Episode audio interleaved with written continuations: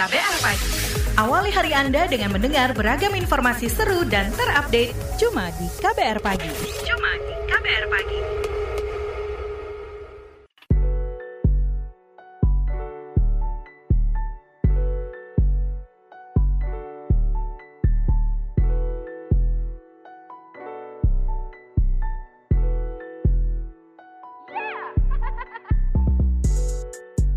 KBR Pagi, siaran pagi radio paling update. Selamat pagi, apa kabar Anda hari ini di hari Jumat 14 Oktober 2022? Kembali lagi saya Don Brady menjadi teman pagi hari Anda semuanya di What's Trending KBR Pagi.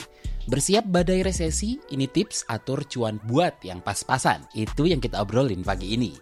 Nah, jadi belakangan kata resesi itu ramai dibicarakan, mulai dari kalangan pemangku kebijakan hingga warganet di media sosial. Resesi ekonomi itu adalah suatu kondisi di mana perekonomian suatu negara sedang memburuk yang terlihat dari produk domestik bruto atau PDB yang negatif, pengangguran meningkat maupun pertumbuhan ekonomi real bernilai negatif selama dua kuartal berturut-turut. Nah, apa sih dampak dari resesi ini? Dilansir dari laman OJK, beberapa dampak itu di antaranya adalah perlambatan ekonomi akan membuat sektor real menahan kapasitas produksinya sehingga pemutusan hubungan kerja berpotensi terjadi bahkan beberapa perusahaan mungkin menutup dan tidak lagi beroperasi. Yang kedua, kinerja instrumen investasi akan mengalami penurunan sehingga investor cenderung menempatkan dananya pada bentuk investasi yang aman. Yang ketiga, ekonomi yang semakin sulit pasti berdampak pada pelemahan daya beli masyarakat karena mereka akan lebih selektif menggunakan uangnya dengan fokus pemenuhan kebutuhan terlebih dahulu. Nah, Menteri Keuangan Sri Mulyani pun memberikan peringatan untuk tidak meremehkan risiko dari resesi ini.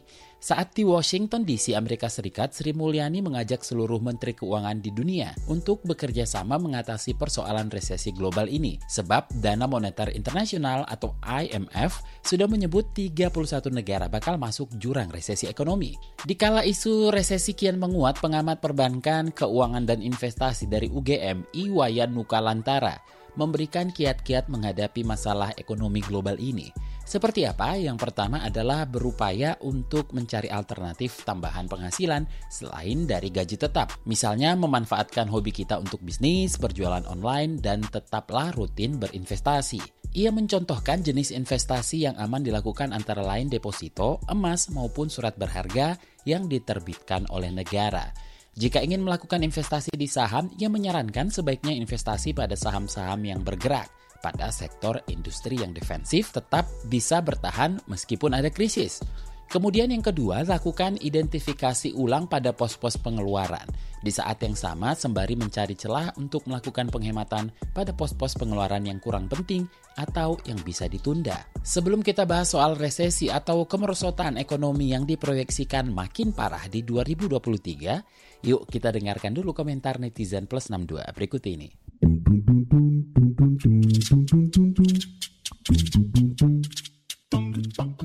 Kita ke komentar at Catch Me XX. Beberapa waktu lalu, Menteri Keuangan Sri Mulyani menyatakan tahun depan dunia pasti resesi. Ancaman resesi global sudah di depan mata.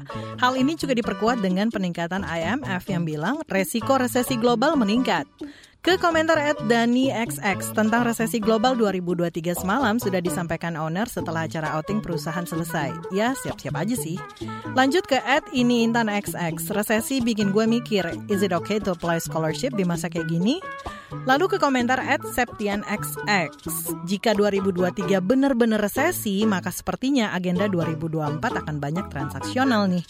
Lanjut ke at Minera XX. Nanti pas resesi di 2023, kira-kira masih ada nasi padang 10 ribuan nggak ya? Lanjut ke at XX. Sebelum 2023 terjadi resesi, ya langkah baiknya kamu jadi resepsi. At Lazy XX. Buat pelaku bisnis internasional, kira-kira apa nih yang harus dilakukan kalau resesi? Komentar at Pekerja XX. Di timeline ngomongin resesi dari kemarin bikin gue takut karena my contract is ending next year and I'm scared of what lies ahead of me. Komentar at Dream XX overthinking nih gara-gara resesi.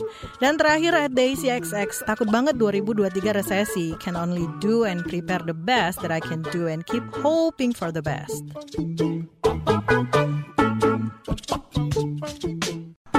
What's Trending KBR Pagi. Kita lanjutkan obrolan kita pagi ini. Jadi Presiden Joko Widodo meminta jajaran kementerian dan lembaga terkait mengantisipasi dampak situasi global yang makin sulit terhadap perekonomian nasional. Menurut Jokowi, Indonesia harus punya berbagai rencana untuk menghadapi resesi global di 2023. Selain itu, kepala negara juga meminta seluruh jajarannya untuk berhati-hati dalam mengambil kebijakan yang dapat mempengaruhi perekonomian nasional. Berikut keterangan Presiden Jokowi saat sidang Kabinet Paripurna di Istana Negara 11 Oktober 2022. Situasi ekonomi global, situasi geopolitik betul-betul sekarang ini sangat menyulitkan semua negara berubah dan menjadi sulit diprediksi dan dengan ketidakpastian yang tinggi, volatilitas yang semakin tinggi. Tadi pagi saya juga mendapatkan telepon dari DC, dari Bu bahwa saat ini sudah ada 28 negara yang antri masuk menjadi pasiennya IMF. Artinya badai itu sudah datang. Sehingga persiapan kita ini harus betul-betul persiapan detail. Nggak bisa sekali lagi kita bekerja hanya rutinitas. Nggak bisa lagi sekarang ini. Bekerja makro, bekerja mikro, bekerja detail itu yang akan bisa menyelamatkan negara kita. Dan kehati-hatian kita dalam setiap membuat kebijakan betul-betul jangan sampai lepas dari manajemen kita. Karena memang situasinya betul-betul ini situasi yang luar biasa sulitnya. Sementara itu, Dewan Perwakilan Rakyat anggota Komisi Bidang Ekonomi DPR Kamru Samad mengatakan fleksibilitas anggaran pendapatan dan belanja negara bisa menjaga daya beli masyarakat di tengah resesi. Menurut Kamru Samad, pemerintah harus mampu mengatasi atau mengendalikan kemungkinan dampak inflasi seperti peningkatan pengangguran dan peningkatan kemiskinan yang merupakan akibat dari turunnya pertumbuhan ekonomi. Ini dia penuturannya kepada KBR 12 Oktober kemarin. Nah, bagaimana kesiapan Indonesia dalam menghadapi resesi ini? Pertama, ada dua kebijakan yang perlu betul-betul dikonsolidasikan, hmm. yaitu kebijakan fiskal dan kebijakan moneter. Nah, otoritas moneter dalam hal ini Bank Indonesia dan otoritas fiskal dalam hal ini Menteri Keuangan harus bisa membangun kerjasama bauran kebijakan.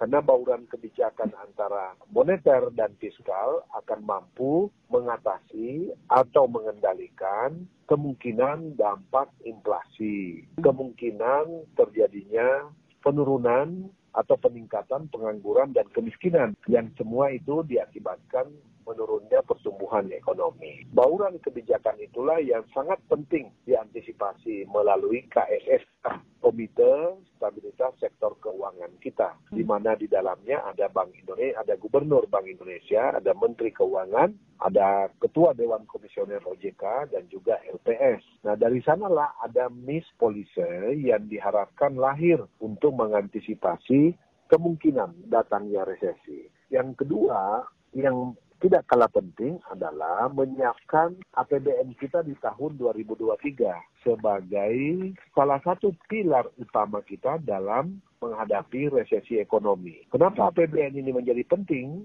Karena APBN ini adalah merupakan shock absorber untuk menjaga inflasi dan menopang daya beli masyarakat. Hmm. Karena dari APBN lah kita menggelontorkan lebih dari 700 triliun dana ke daerah 34 provinsi termasuk di dalamnya dana desa hmm. yang berpotensi menopang daya beli masyarakat. Nah, kemudian dalam bauran kebijakan moneter, kita juga meminta Bank Indonesia untuk betul-betul mengontrol memperhitungkan secara mendalam tingkat kenaikan suku bunga. Sedangkan menurut Direktur Institute for Development of Economics and Finance, Tauhid Ahmad, resesi di 2023 dampaknya bakal dirasakan di sektor ekspor impor, pertanian, pertambangan. Sedangkan sektor transportasi dan perdagangan diprediksikan masih cukup kuat di tahun depan. Mari kita simak pernyataan dari Direktur Indef Tauhid Ahmad. Ya, kalau sektornya yang yang resesi terjadi kan yang berbasis ekspor sama impor ya Nah, menurut saya memang yang kemungkinan kalau sektoral ya yang agak lebih bagus tahun depan itu adalah di sektor transportasi. Jadi mengandalkan transportasi domestik kuat, kemudian konstruksi sama di perdagangan, sedikit di industri. Jadi saya kira kalau kita lihat sektoralnya itu, kalau tahun depan yang menurun ya di pertanian, pertambangan tuh pasti di bawah 4% lah pertumbuhannya. Nah, eh, itu kalau kita lihat sektoralnya, jadi memang berbeda-beda. Nah, usaha menengah besar lah yang kemudian yang memiliki basis ekspor global yang kelihatannya mengalami penurunan. Pertama, penurunan permintaan dari banyak negara karena pertumbuhan ekonomi di tahun depan, eh, angka terakhir update ya dari IMF itu hanya tumbuh 2,7 persen ya. Jadi lebih rendah dibandingkan katakanlah di tahun ini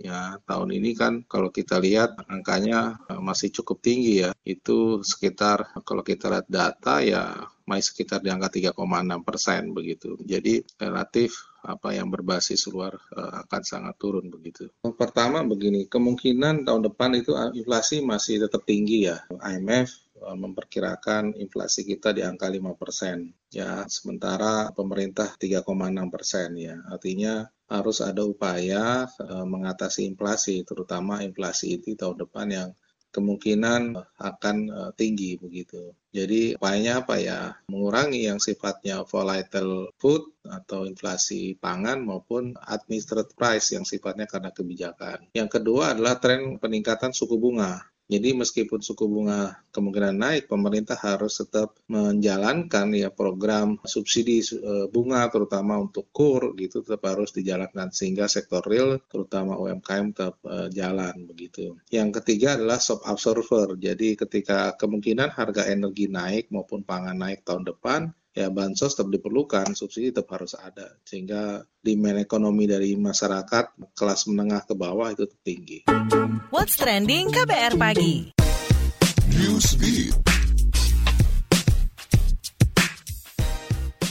Ex Perdana Menteri Malaysia Mahathir Mohamad menyatakan diri mengikuti pemilihan umum legislatif di usia 97 tahun. Mahathir menyatakan niatnya untuk bertarung dan menjadi anggota legislatif tertua.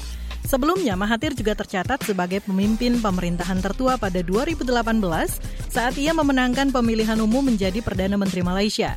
Mahathir menyatakan ia diusung oleh Partai Pejuang Tanah Air. Meski begitu, partainya belum memiliki calon Perdana Menteri dan masih menunggu kapan pemilu akan dimulai. Malaysia juga belum menentukan kapan pemilu akan diselenggarakan. Berdasarkan peraturan, pemilu harus dimulai selambat-lambatnya 60 hari setelah parlemen dibubarkan pada awal September lalu. Otoritas Kesehatan Gambia memberhentikan penggunaan paracetamol sirup usai 66 anak meninggal dunia karena gagal ginjal. Kementerian Kesehatan Gambia mencatat kasus kematian secara tiba-tiba meningkat sejak 8 Agustus lalu pada anak-anak rentang usia 5 bulan hingga 4 tahun. Direktur Layanan Kesehatan Mustafa Bitaye mencurigai kasus gagal ginjal terjadi karena pemberian paracetamol sirup.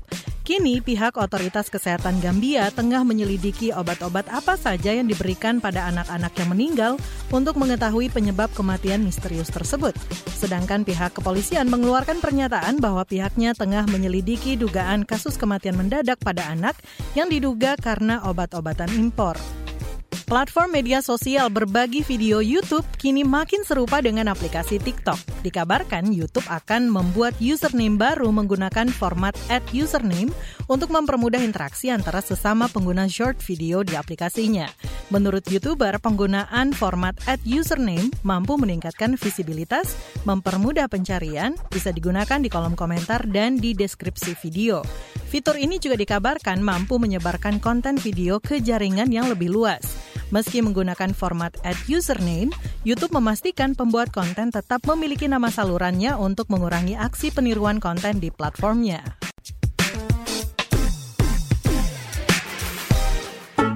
What's Trending KBR Pagi. Bersiap badai resesi, ini tips atur cuan buat yang pas-pasan. Itu yang kita obrolin pagi ini. Nah, di segmen ini kita bakal bahas gimana sih cara mengatur keuangan di tengah resesi. Apalagi buat yang keuangannya pas-pasan ya.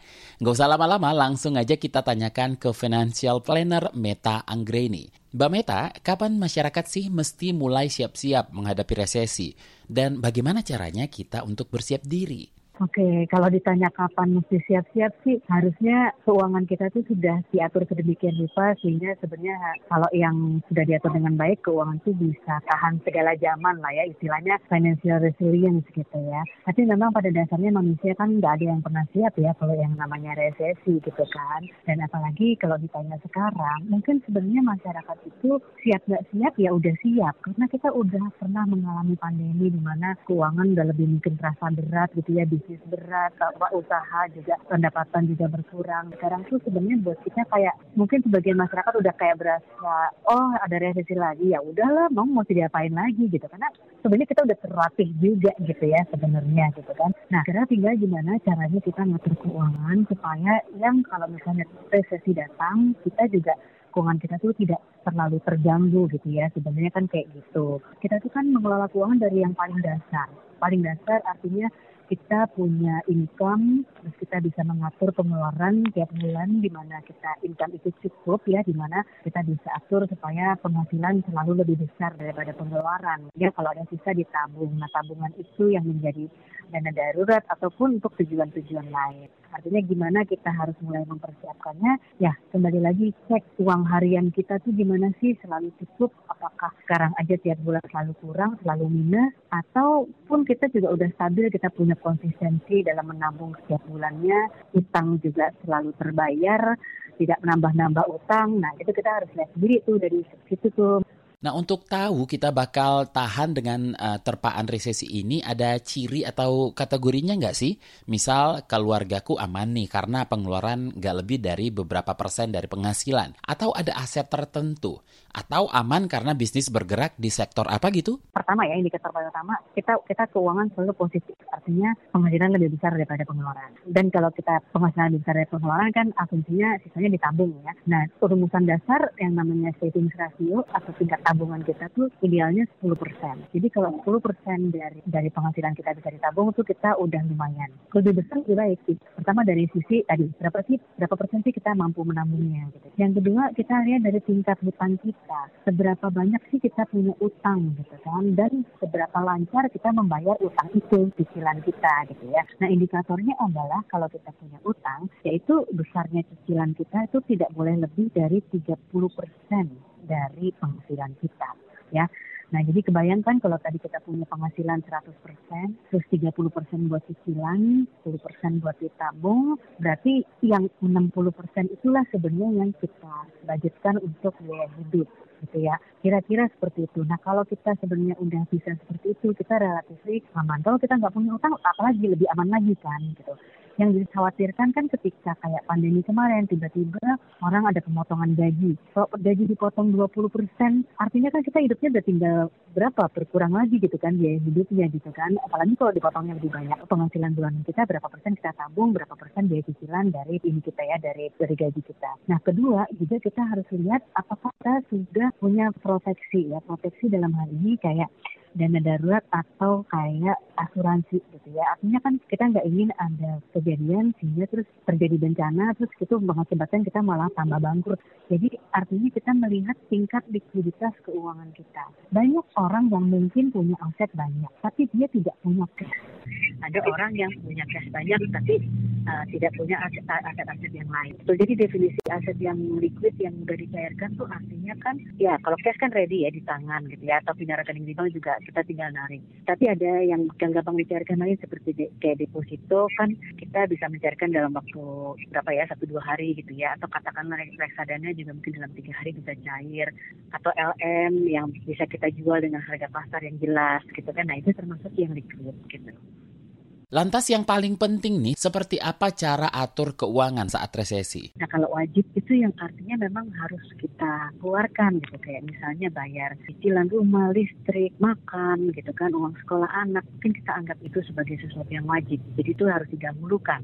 Lalu pengeluaran yang butuh. Butuh itu artinya ya kalau ada itu kan kita akan mempermudah hidup kita ya. Kayak misalnya kita punya kendaraan, kita bayar ongkos transportasi, bensin, segala macam. Itu adalah sifatnya butuh. Atau kayak misalnya misalnya kayak saya butuh perawatan gitu ya, skincare gitu. Artinya kita butuh tapi kita bisa menyesuaikan. Nah lalu yang terakhir adalah yang sifatnya ingin. Ingin yang sifatnya mungkin tersier ya. Hal-hal yang sifatnya ingin, yang ini mungkin itulah yang paling pertama dipangkas sifatnya mungkin kesenangan ya atau sifatnya yang langsung habis dikonsumsi gitu ya. Sebenarnya setelah setelah uangnya terpakai kan udah ya. Oke, imbasnya resesi biasanya sampai seperti apa sih bagi keuangan keluarga khususnya bagi yang selama ini sudah cukup pas-pasan? Kalau yang sekarang kita udah dengar ya, artinya yang paling dirasain sekarang kan adalah uh, harga-harga naik ya. Di mana ketika harga-harga naik terjadi inflasi, kita di pengeluaran bisa jadi membengkak. Padahal mungkin konsumsinya sama aja, ya kan? Nah justru itu artinya mungkin kalau nggak memang kita punya cash yang cukup banyak ya, artinya justru kita harus mengurangi yang apa yang justru kita butuhkan, gitu kan? Jadi pertama impactnya adalah kemungkinan kenaikan harga itu membuat pengeluaran kita bertambah. Nah artinya itu tadi, jadi kita harus lihat lagi mana pengeluaran yang memang perlu, mana yang bisa dikurangi itu kan. Nah yang kedua mungkin yang paling terasa juga adalah tadi ketika harga-harga mahal, dunia usaha juga merasakan itu ya, bukan cuma di rumah tangga saja. Artinya perusahaan pun mungkin mengencangkan ikat pinggang dan ketika perusahaan juga berhemat bisa jadi yang tadinya mungkin kita dapat bonus-bonus atau mungkin ada benefit atau yang lainnya yang bisa jadi malah dikurangi gitu kan atau bahkan mungkin kita sekarang udah dengar beberapa sudah mulai ada gelombang PHK gitu ya. Jadi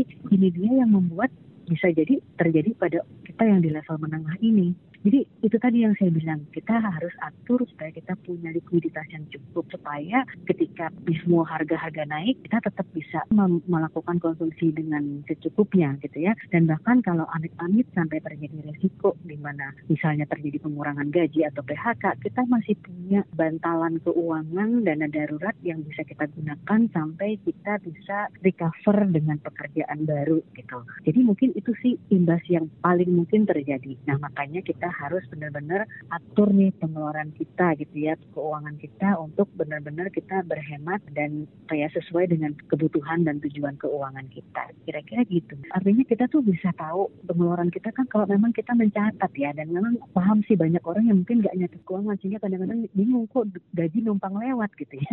Tapi sebenarnya dia nggak numpang lewat, cuma kita aja yang nggak memperhatikan gitu kan sebenarnya. Jadi mungkin kita lihat lagi nih sebenarnya pola konsumsi kita seperti apa sih pengeluaran kita seperti apa. Terima kasih Financial Planner Meta Anggreni.